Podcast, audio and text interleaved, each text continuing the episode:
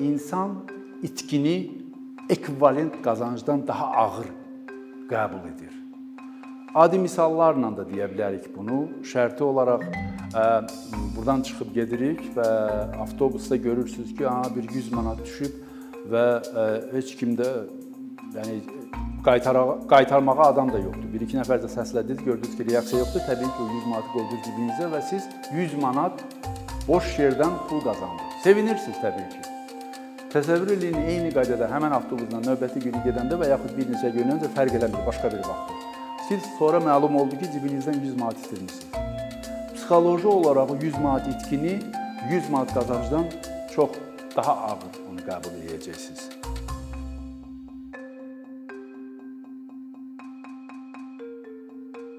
Deməzdim yeni bir e, yeni termindir, nə bilim, yeni bir ə, mövzudur. Əslində tarixçəsi uzundur, ancaq hər halda indi kifayət qədər üzdə olan və çox saylı mübahisələrə səbəb olan bir istiqamətdir. O cümlə o, o baxımdan hesab elədim ki, maraqlı ola bilər sizin üçün də, bizim bax belə ə, müzakirəmiz üçün də.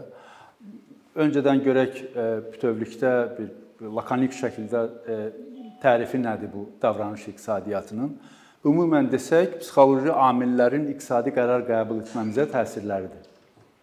Yəni göründüyü kimi davranış iqtisadiyyatı iki böyük sahənin, iki böyük ə, deməli elm sahəsinin simbiozudur, konsensusudur, bir yerdə faktiki olaraq bir istiqamət kimi təzahür etməsidir. Bu kitabları mən hər ehtimala qarşı hesab elədim ki, görsəniz yaxşıdır. Mən əminəm ki, ən azından internetdə bu və ya digər halda görmüsüz.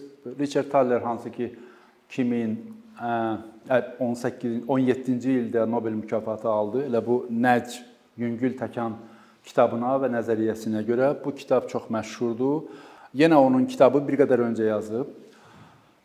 Qalibin lənəti belə bir kitab və bu kitabı yəqin ki bilirsiniz. Bunun Azərbaycanda tərcüməsi də var. Azərbaycanda tərcüməsi gedir Yavaş-yavaş fikirlər, tez qərar qəbul elə. Məşhur Daniel Kahnemanın kitabıdır. Bu da Nobel mükafatı laureatıdır və 2002-ci ildə alıb Nobeli və üçüncü bir şəxs də var. Adı burada hallanmır. Onu da biləsiniz ki, yəni son 2002-dən bəri nə qədər eləyir? Bir 20 il eləmir.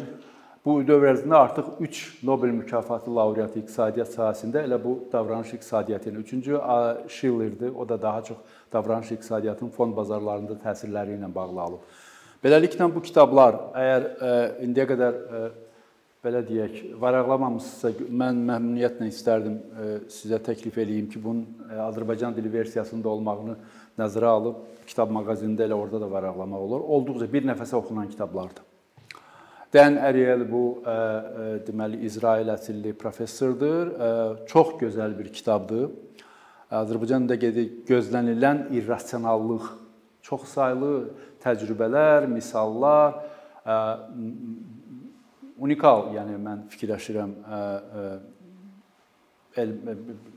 elmi yanaşma və daha çox elmin eksperimental tərəfdən yanaşmasını özündə birləşdirir və beləliklə birbaşa davranış iqtisadiyyatına keçməzdən öncə burada ümid edirəm oturanların ən azından bir qismi iqtisadçı tələbələr ola bilər. Qaydaq bizim standart iqtisadi yanaşmamıza ki, biz onu necə təsəvvür eləyirdik və necə olmalıdır əslində. Belə bir kiçik bir forma düzəltdim ki, əslində qalsa standart iqtisadi model bax bu 3 dayaq üzərində qurulur. Birinci odur ki, rasional olmalıdır qərar qəbul edənlər. Rasional da nədir? İqtisadiyyatdan bildiyimiz marjinal faydalılıq prinsiplərinə əsaslanmalıdır və bu rasionallıq məhdudiyyətsiz olmalıdır. Yəni faktiki olaraq qərar qəbul etməmizin arxasında tam bazar və bazar prinsipləri durmalıdır. Və ikinci bir istiqamət də burada üstünlükdür. Preferensi yəqin bilirsiniz. O da ondan ibarətdir ki, insanlar fərqlidir. Biri dondurma istəyə bilər, biri meyvə şirəsi, biri pivə istəyə bilər. O da üstünə gələndən sonra artıq biz qərarımızı veririk ki, tutalım əlimizdə olan müəyyən məbləğ pulu dondurmaya istifadə alaq, yaxud meyvə şirəsi alaq və yaxud digər e, e, məhsulu alaq və hansı qiymətə alaq. Təbii ki, burada onun böyük rolu var. İkinci dayağı göstərmişəm məhdudiyyətsiz iradə gücü və məlumatlılıq. İradə gücü deyəndə biz onu nəzərdə tuturuq ki, insanın heç bir emosiya, emosional deməli təsirlər onun belə demək mümkünsə bazar prinsipinə uyğun məntiqi qərar qəbul etməsinə mane olmamalıdır. Şərti olaraq mən bu gedib hansısa bir işi görməliyəm, çünki bu mənim işim üçün və yaxud özümün pul qazanmağım üçün vacibdirsə və burada hər şey məntiqidirsə, mənim yorğunluğum, mənim belə deyək, divandan durub tənbəllik edib getməyim bu olmamalıdır.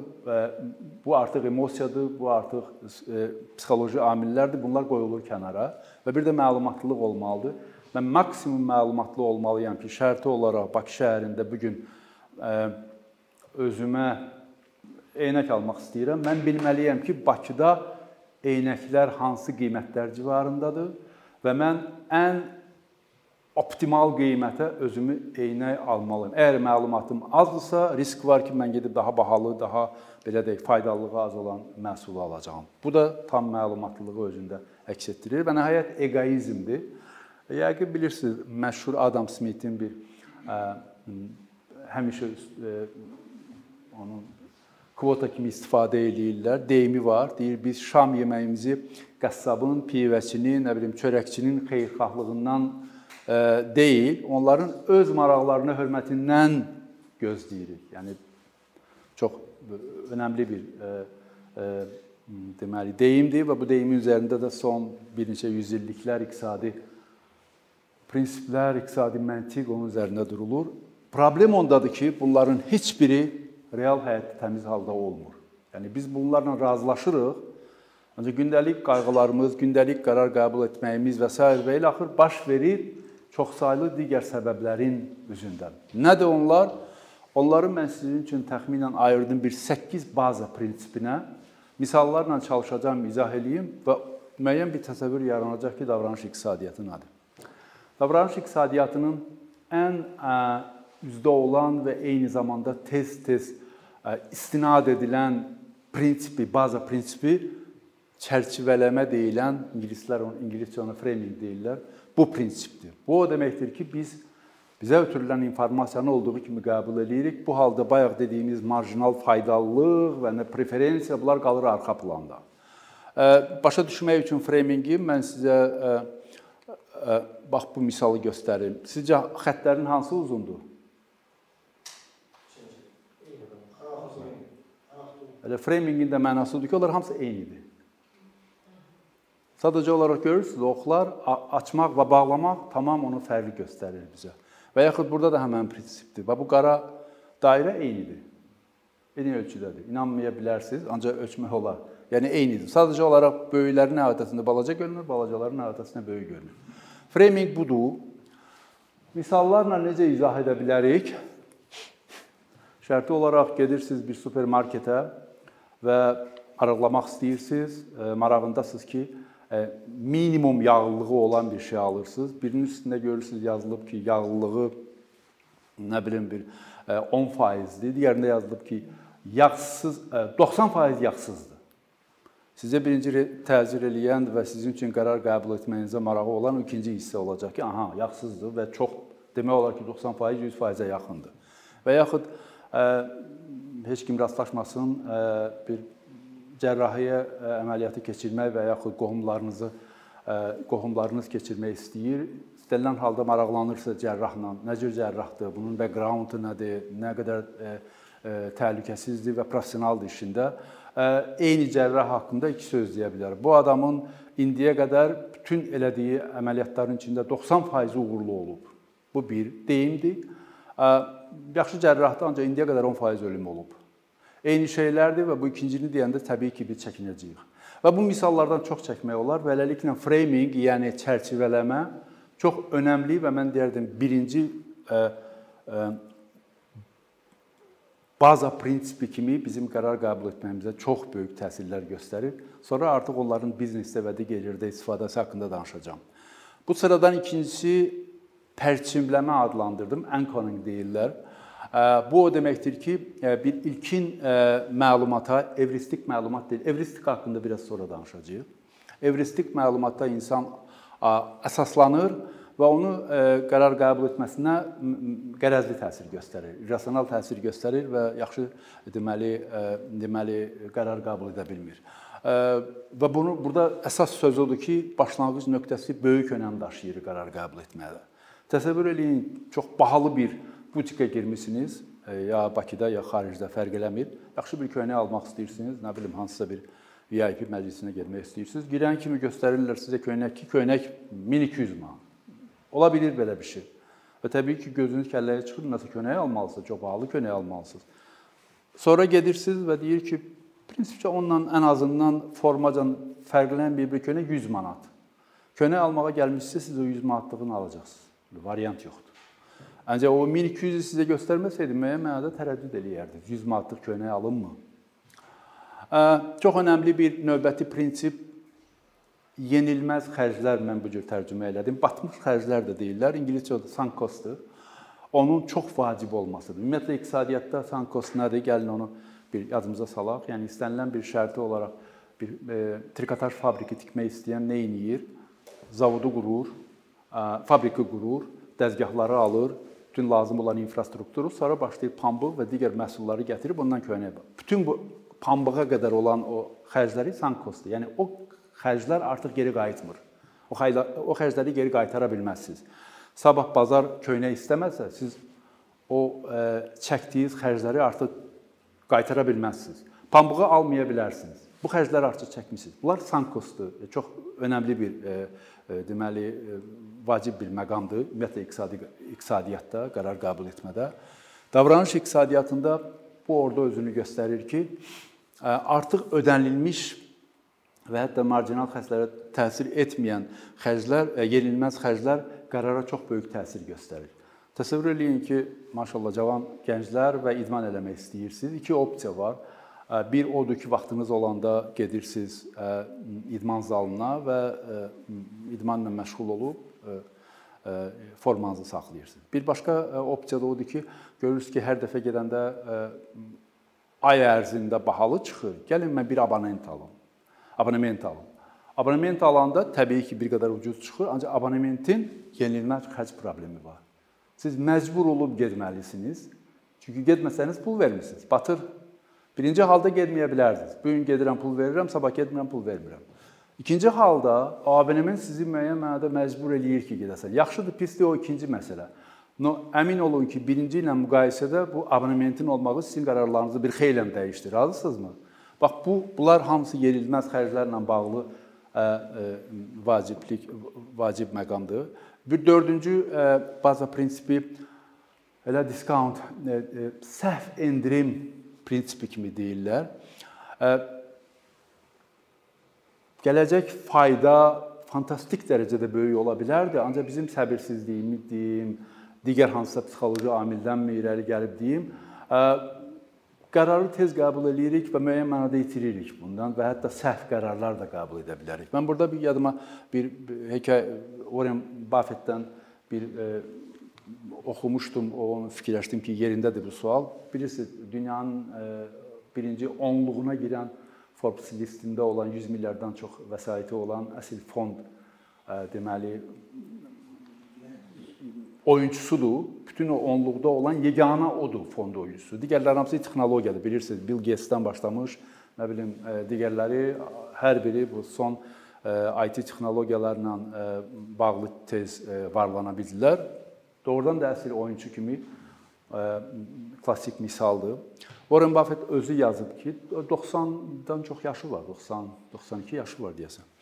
Yazır ki, 42-ci ildə nisbətən o dövr üçün böyük pulu ilk dəfə o vaxtı qazandım ki, 38 dollara neft şirkətlərinin e, e, səhmlərini aldım. Üstündən biraz keçdi, gördüm ha, e, qiymət qalxdı və onu 40 dollardan satdım və 200 neçə dollar pul qazandım. Sevindim ki, görürsünüzmü mənim uğurlu. Üstündən bir ay keçməmiş həmən aksiyalar oldu 200 dollar özüm özümü qınadım ki, görün nə mən nə qədər qabağa deyək ki, daha çox irəli gedə bilərdim və e, çox çox pul qazana bilərdim. O hesab eləyir, biz də hesab eləyirik ki, bu həmin o dediyimiz bu prinsipinə dəlalət eləyir ki, gələcək faydanı gözləmək üçün səbir və digər düzdür, burada riskdir, burada e, bazar oyunudur. Hər bir halda çox halda bizə o mane olur. o səbirsizlik, gələcək faydanı gözləməyib hərəkət etmək və s. və s. Bunları gördünüz. Digər 4 prinsipini də deyim, sonra artıq rahat olacaq biz yavaş-yavaş başlayacağıq misallarla əhatə eləməyə. Növbəti baza prinsipi itki nifrəti deyirlər. Mən belə təcrübə elə e, tərcümə elədim. Loss aversion çox vacib bir şeydir bu da, vacib bir prinsiplərdən biridir. İnsan itkini ekvivalent qazancdan daha ağır qəbul edir. Adi misallarla da deyə bilərik bunu. Şərti olaraq e, burdan çıxıb gedirik və avtobusda görürsüz ki, aha bir 100 manat düşüb və e, heç kim də yəni qaytarmağa adam da yoxdur. 1-2 nəfər də səslədiniz, gördünüz ki, reaksiya yoxdur. Təbii ki, o 100 manatı qoydunuz cibinizə və siz 100 manat boş yerdən pul qazandınız. Sevinirsiniz təbii ki. Təsəvvür eləyin, eyni qaydada həmin avtobusla növbəti günü gedəndə və yaxud bir neçə gün öncə fərq eləmir, başqa bir vaxtdır. Siz sonra məlum oldu ki, cibinizdən 100 manat itirmisiniz. Psixoloji olaraq 100 manat itkini 100 manat qazancdan çox daha ağır onu qəbul edəcəksiniz. Bu da e, yəni yalnız subyektiv fikir deyil, ümumi qəbul edilmişdi, eksperimentlər üzərində həll olunmuşdu. Qrafikdə belə görünür bu itkilər lənəti, nifrəti. E, prinsipcə bilirsiniz, bu e, deməli gəlirliyimizin ümumi qaydadır bu. Gəlirliyimizin dəyəri, onun bizim üçün önəmi gəlirin həcmi artdıqca azalır. Yəni şərti olaraq bu gün universiteti qurtarırsınız bir e, biznes şirkətinə işə düzəlirsiniz, hansısa layihələr də sizə verilir. Bir yaxşı bir layihəni əldə edə bildiniz, bonus kimi bir 10 min manat sizə pul verirlər. Fantastik rəqəmdir. 10 min manata hər şey eləmək olar deyirsiniz. A siz dəhşətli dərəcədə göyün 7-ci qatındasınız. Sonra başlayırsınız yavaş-yavaş işləməyə, sonra 10 minlər, 20 minlər, müəyyən bir dövr üçün sizin üçün artıq 10 min, 15 min, 20 min elə bir böyük pul deyil. Artıq onun o meylliyi düşür aşağı. Bu ümumidir. Ancaq bu e, E, qazancla itki arasında özünün fərqli deməli e, proporsiyaları var. Fikir verirsiniz, bax burada bax bu kvadrat qazancın kvadratı. İtkinin kvadratına nisbətdə çox azdır. Çünki bayaq dediyim kimi itki daha ağır. Deməli e, onun təbii ki, itkidirsə onun artıq sizin üçün önəmi, dəyəri yox, əksinə itkiniz kimi və bu doğrudan da qazanca baxanda bu elədir, çox ağır qarşılanır. Fond bazarında da elədir. Bayaq mən Buffett-dən misal gətirdim. Fond bazarında işləyənlər niyə böyük risklərə getmirlər həm də? Çox ağır qarşılayır itkini. Hətta eyni məbləğdə pul qazanırsa, sevinir belə o qədər sevinmir. Ancaq itirəndə pulu göz qabağında real səhmləri bu qədər qiymətə olan və birdən bu e, fantastik dərəcədə kollapsa uğrayan səhəm qiymətləri ona çox ağır təsir göstərir. Ona görə bu prinsip hər bir halda qüvvədədir. Bir e, bir növbəti e, prinsip odur ki, həddən artıq güvənmə. İnsanın bir daxili bir psixoloji özünə bir ustanovkası belə demək mümkünsə var ki, biz mövcud məlumatları analiz etmirik və müəyyən bir uğurumuz əmələ gəlirsə, biz buna o qədər böyük bir qiymət verib, bir ifrat inam yaradır bizdə ki, problemlər yarada bilir bizə. Həmin o həddən artıq güvən. Və məşhur Mark Twain-in bir deyimi var. Burada da o yerində də istərdim onu sizə xatırladım. Deyir, sizin ə, probleminiz nə isə bilməməyində deyil. Probleminiz əmin olduğunuz ancaq yanlış olan qərarınızdadır. Bax siz tam əminsiniz ki, bu budur. Məlum olur ki, elə orada da əslində problem də orada imiş. Siz onu tam əminlik sizi bir qədər çox ə, həddən artıq güvənc gətirdi sizə. Ə, ə, məsələn, basketbol oynayır ə, oyunçu əlbəttə xeyli məşq eləyib, ard-arda səbətə topları atır. Əla, demək olar ki, hamısı düşür. Onun aləmində bundan sonra bütün topları səbətə düşəcək. Yox elə deyil. Qumarbazda da elə olur, kazinoda oynayanda da elə olur, nə bilim digər əksər lotereyada da belə olur. Yəni bu bu insana e, bax məhz bu davranış spesifikası çoxlu problemlər yaşadan o məqamlardan biridir. Bir e, prinsipdə status quo qərəzi adlandırmışam mən. E, mən deyəndə ki, belə tərcümə eləmişəm. E, status quo bilirsiniz, mövcud status və ona uyğunlaşır insan. və marjinal faydanı, marjinal xərci bunları müqayisə etmək əvəzində bir default variant kimi qərarı qəbul etmək üçün elə o status quo ilə hərəkət edilir. Məsələn, şərti olaraq siz ə, hesab eləyirsiniz ki, iPhone Apple işlədirsiniz və seçim böyükdür. Ola bilər ki, daha yaxşı device-lar çıxıb, təbii ki, o Mac deyil, digər brenddir, digər proqram təminatıdır, digəridir. Siz ona default kimi özünüzdə artıq bir inam yaratmısınız ki, yox, elə nədirsə budur və mən bunun da təkmil variantını seçəcəyəm. Əslində bu belə deyil, bu 100% elə deyil. Belə bir eksperiment aparırlar. Artıq adından çıxıb bu Dan Ariely'nin eksperimentidir ya Kahneman'ın eksperimentidir. Artıq yeni dövrün eksperimentidir. Amerikanın məktəblərində, universitetlərində eləyib. Uşaqlara, tələbələrə kiçik bir anonim sorğu üçün deməli kağız veriblər ki, sizcə burada oturan böyük bir auditoriya, 100-ə qədər tələbə neçəsinin iPhone-u var?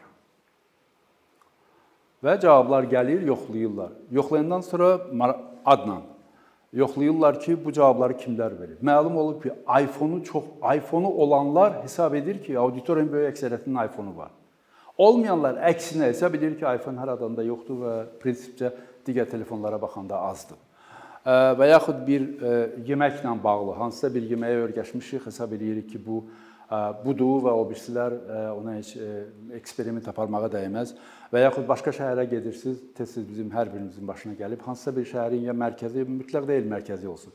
Bir gəzməli yeri əslində qalsa şəhəri tanımaq üçün ola bilər hamı elə eləmir, əksəriyyət onu eləyir bildiyi hansısa bir yerin özü komfort hiss eləyir. Orda müəyyən mənada əgər tez-tez o şəhərə gedirsə, gəzintini də orada aparır və müəyyən mənada vaxtını da orada keçirir.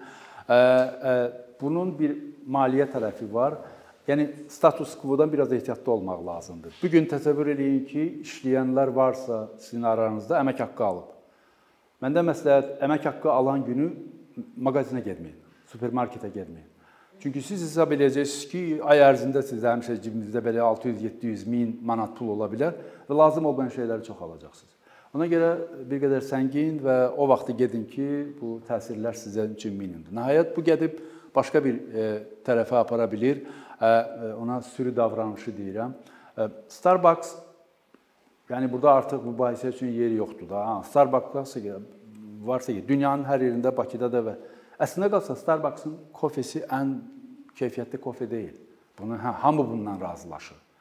İndi hansısa bir promotion, hansısa bir reklam ə, e, öz işini görüb faktiki olaraq həm dünyada, həm elə Bakının özündə və digər böyük şəhərlərdə Starbucks-la müqayisə apara bilən daha keyfiyyətli və nisbətən daha ucuz Starbucks-ın kofeləri elə də ucuz deyil.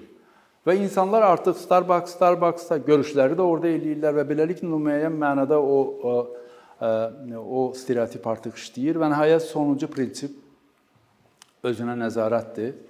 Bu o deməkdir ki, biz prinsipcə dediyimiz o marjinallıq prinsipləri ilə yanaşanda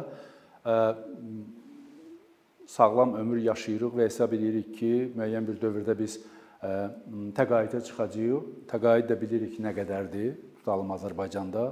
Normalda biz nə etməlidik? Hər gün də olmasa, hər ay, hər ay da olmasa, hər il müəyyən bir məbləği qənaət verib qoymalıyıq bir qırağa. Çünki mən bilirəm ki, mən təqaüdə çıxanda artıq o kifayət eləməyəcək bu mənə. Demək olar ki, onu eləmirik və yaxud çox az adam onu eləyir. Əksər halda bu günün istehlakı ilə, onu tutalım ki, o pulu xərcləməklə və s. sonra gedib o dediyim kimi o pensiyada artıq onu e, e, deməli görürük və yaxud ifrat istehlak, lap elə ifrat e, hamımız deyirik ki, sağlamlıq baxımından gecə 6-dan sonra yemək olmaz. E, mümkün deyil saxlamaq. Axşam saat 10-da oldu, 11-də oldu, gecə saat 1-də oldu, bir mətbəxə baş çəkirik, soyuducunu açırıq. Yəni heç ac da deyilik. Bu, bu, bu da müəyyən mənada özünə kontrolun, özünə deməli nəzarətin zəif olmağından psixoloji və emosional tərəflərdən təbii ki, gəlir. Bu 8 prinsipi yaxşı, pis bu misallarla izah elədim. Bir neçə digər məqamlara toxunuq və sonrasına artıq başlayacağıq.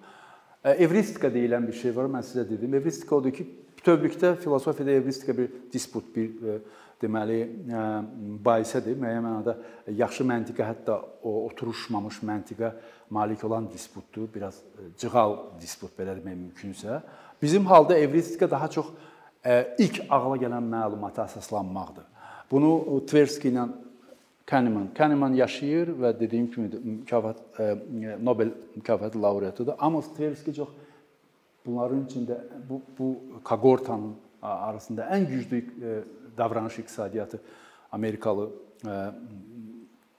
mütəxəssisi təəssüf ki, cavan cavan deyəndə ki 50 yaşına yaxın o dünyasını dəyişdi. Yəni onların deməli bu yanaşmasıdır ki, ilk ağla gələn qərara məlumata əsaslanırıq və qərar qəbul etmə səhv olur. Məsələn, mən sizdən soruşuram, ekranda görürsüz. Fikirləşmədən deyin. Top neçəyədir burada? 5 manat. Düzdür bax. 5 manat. Ancaq ilk reaksiya mən tələbələrim üçün bunu tez-tez eləyirəm. Bəlkə də mən danışa-danışa bir diqqətlə hesabladınız, yoxsa bir ilkin reaksiya. Yəni hər halda 5 manat deyən az olur. Mən bildiyim qədər elə birinci reaksiya odur ki, 10 manat. Düzdürmü? Bax bu evristikadır. Yəni fikirləşmədən cavab verirsə, əslində 10 manat olsa ola bilməz ki, 100 manatla 110 manat ə, e, topla ə, e, raketkanın arasındakı fərq 100 manat fərq olsun, əgər 10 manatdırsa. Bax belə ə, e, məsələlər təbii ki, ə, davranış iqtisadiyyatına təsir edən məsələlərdir. Fond bazarı ilə bağlı bir kəlmə deyim. Əslində qalsa çox faydalı bir şeydir. Əgər fond bazarı bu elementlərdən, bu alətlərdən istifadə edib varlanırsa və varlanır da. Bax belə bir eksperiment apardılar bizim dostlarımız.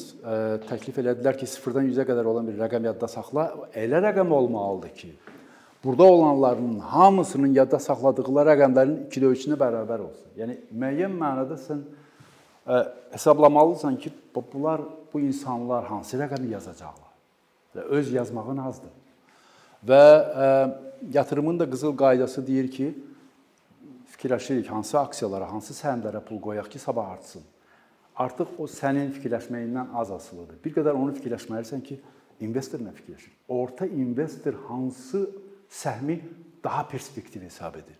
Və ona oxşar da gözəllik müsabiqəsi, bilmirəm, Hər dəfə biz narazıyıq ki, bu o qədər gözəl qızların içindən niyə bunu gözəl seçdilər?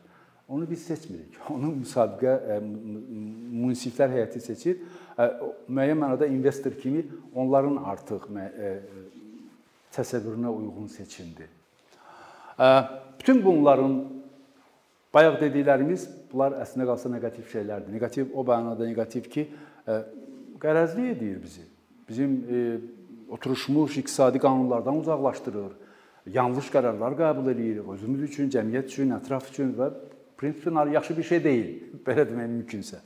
Və bu halda bayaq qeyd etdiyim Richard Thaler'in böyük bir nəzəriyyəsi çıxdı.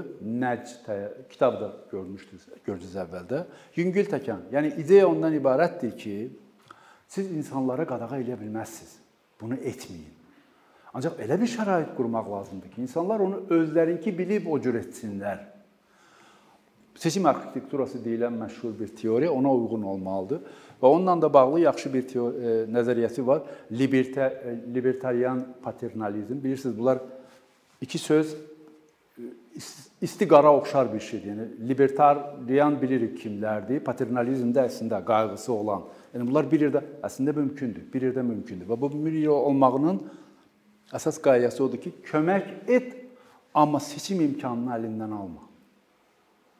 Bu pandemiya ilə bağlı bu tezislərə o qədər böyük ehtiyac oldu ki, nəinki Azərbaycanda, demək olar ki, dünyanın əksər ölkələrinin hökumətləri bundan istifadə eləmədilər.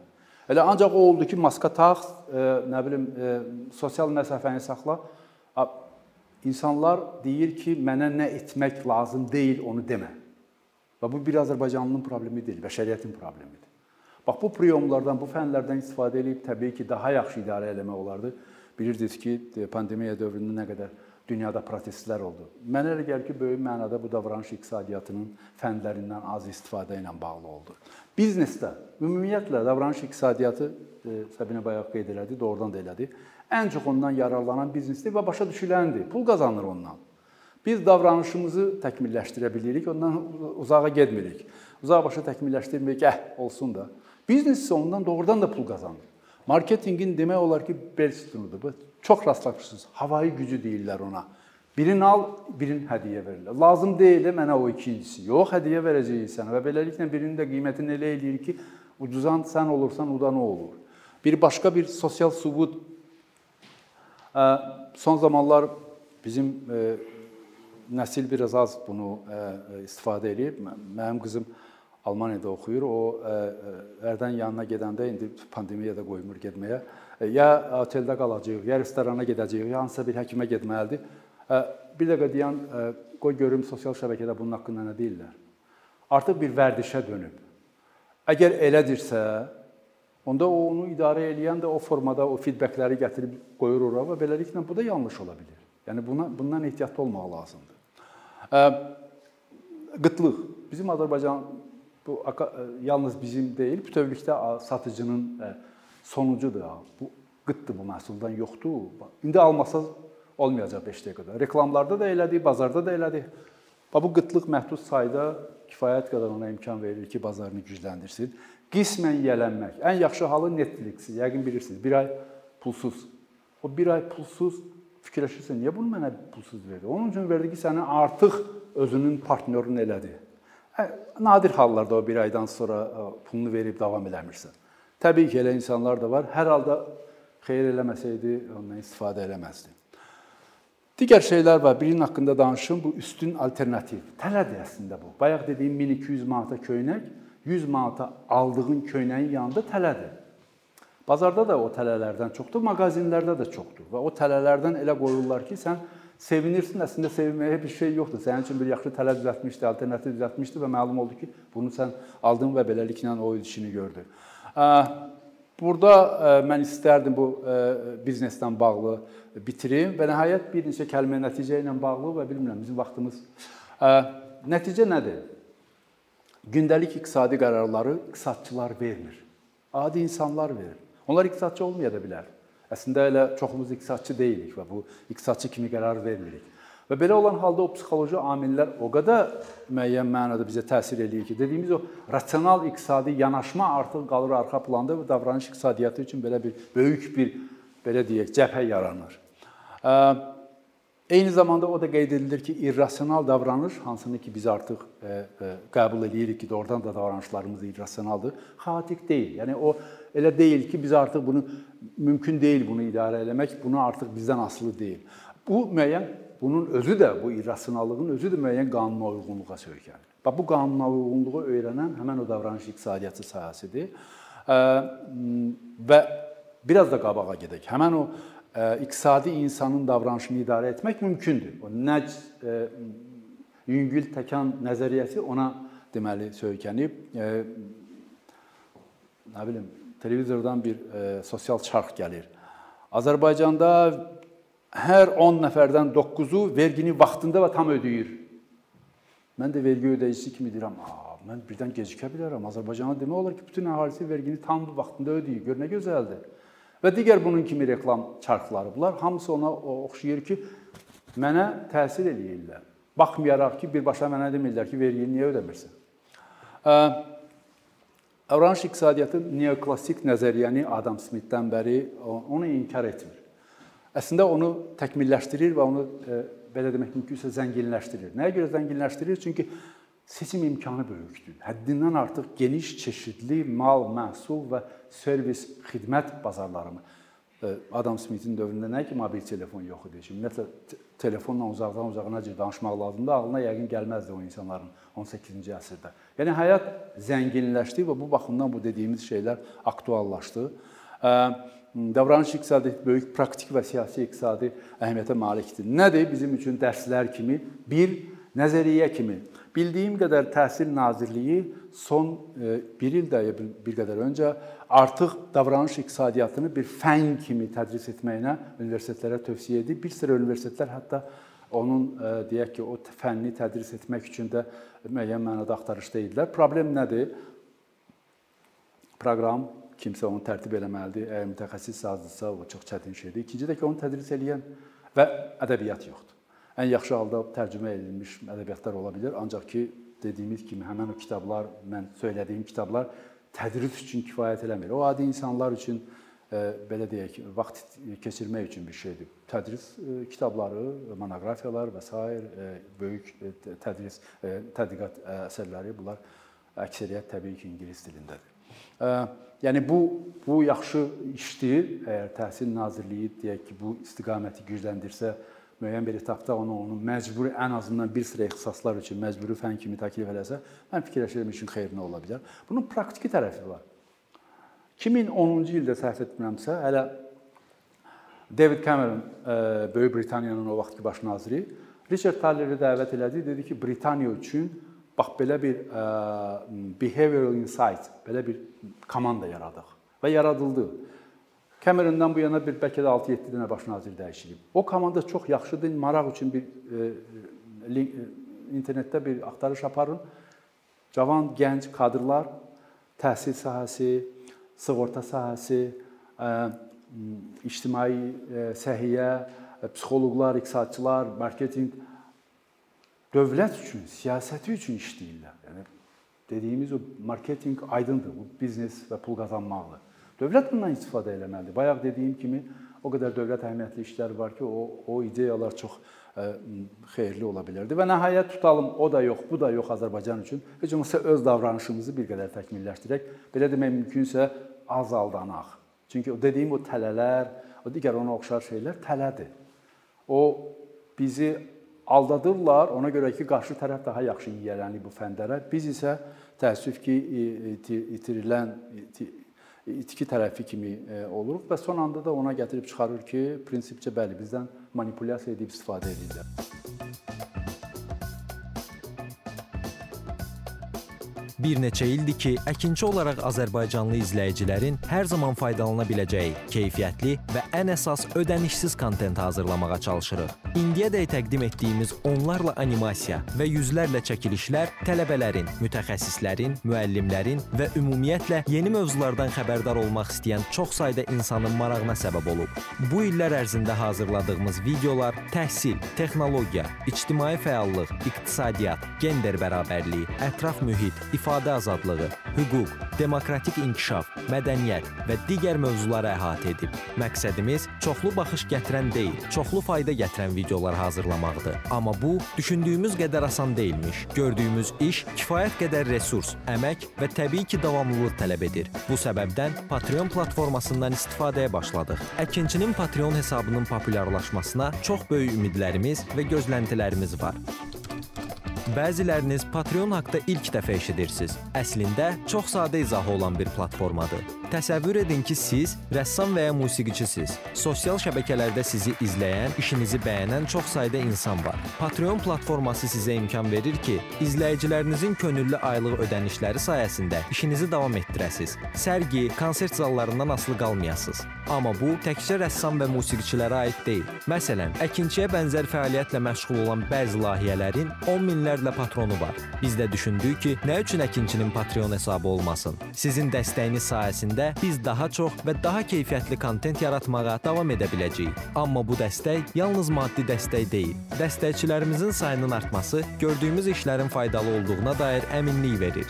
Patreon platformasından istifadə çox sadədir. Hesabınızı açırsınız, sizə uyğun dəstək növünü seçirsiniz və Patreon özü hər ayın ilk günü kartınızdan seçdiyiniz dəstək növünə uyğun ödəniş tutur. Bu qədər. Sonda onu demək istəyirik ki, dəstəkçilərin sırasına qoşulmaq istəyən, amma məhdud imkana görə bunu edə bilməyənlər narahat olmasın. Daha öncə dediyimiz kimi, bizim əsas məqsədimiz daha çox insanın hər zaman faydalana biləcəyi keyfiyyətli və ödənişsiz kontentin yaradılmasıdır. Bunun üçün mütləq patronumuz patronumuz olmalısınız deyə məcburiyyət yoxdur. Amma imkanınız patron olmağa çatırsa və bizim işimizi bəyənirsinizsə, patronlarımızın sırasına qoşulmağınız bizim üçün çox önəmlidir.